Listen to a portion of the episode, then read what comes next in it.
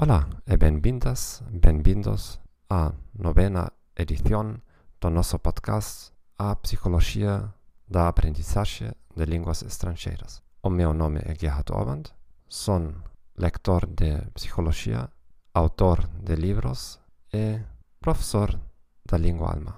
Neste episódio falaremos de como deverias reaccionar se alguém ri do teu acento ou voz.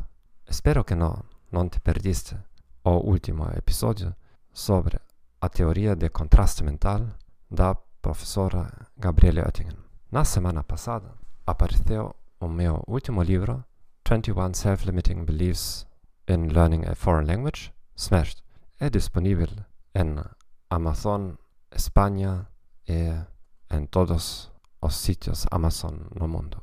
Como deverias re reaccionar se alguém ri do teu acento ou voz. Existem quatro situações. Na primeira, na realidade, a outra pessoa não ri de ti, mas ri dos seus próprios pensamentos. Acontece muito cedo, muito frequentemente, que nós escutamos a outra pessoa, mas na nossa, na nossa cabeça estamos a pensar noutras coisas. Talvez uma única coisa que tens dito tenha provocado uma lembrança, uma associação na cabeça da outra pessoa.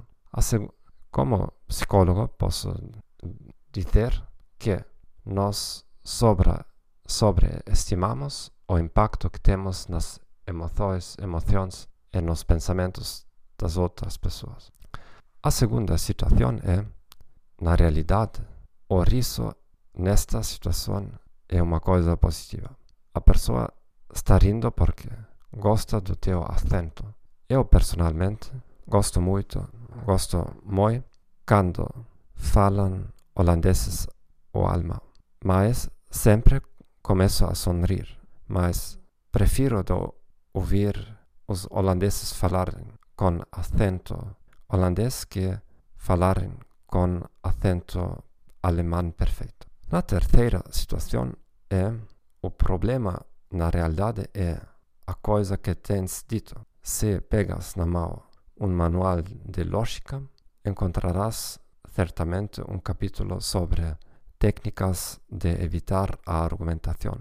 A mais conhecida é o ataque na pessoa, especialmente se és um estrangeiro, é mais fácil atacar a tua língua. Por que deveria eu escutar o que você diz, argumentar, pensar, se a sua língua é defeituosa? Especialmente se dizemos coisas que vão em contra do que pensam as outras pessoas. Eu pessoalmente tenho estas situações cada dia, porque falo publicamente no estrangeiro cada dia. E vejo o que acontece na cabeça das pessoas, porque deveríamos escutar esta pessoa dizendo-nos coisas que não, das quais não gostamos, se o mesmo professor não fala perfeitamente. E a quarta situação é que realmente as pessoas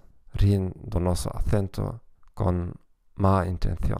Neste caso, não é tanto importante o que fazes depois da situação, mas antes da situação.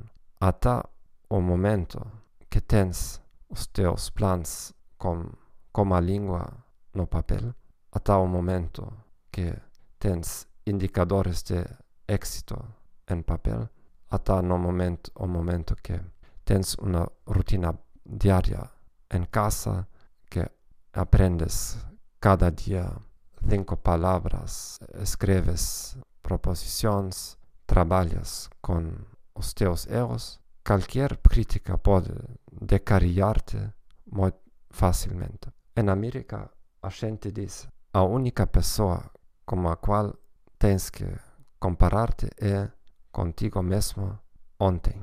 Se hoje falas um pouco melhor que ontem, ninguém pode frustrar-te com a sua crítica. O problema é que é muito difícil fazer essas comparações se não temos material, material objetivo.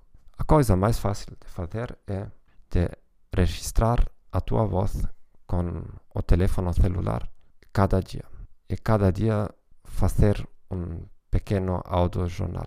Como foi o meu dia? E depois resulta muito fácil de fazer comparações, como falava há um mês, há um ano, e temos material objetivo. Então, certamente podemos preparar uma resposta para pessoas antipáticas, mas na realidade, por que perder muito tempo procurar de convencer a pessoas com más intenções? A coisa que faço eu, porque sou criticado muito a menudamente, é de escrever o que as pessoas dizem. Eu pergunto a qual coisa exatamente provocou a risa. Se a pessoa não pode, não pode responder, então aquela pessoa vai na minha lista negra e digo tchau, tchau. Então, então espero que este episódio tenha sido útil para ti e recomendo de consultar o meu último livro com muitos mitos sobre a educação linguística. Tchau e até a próxima semana.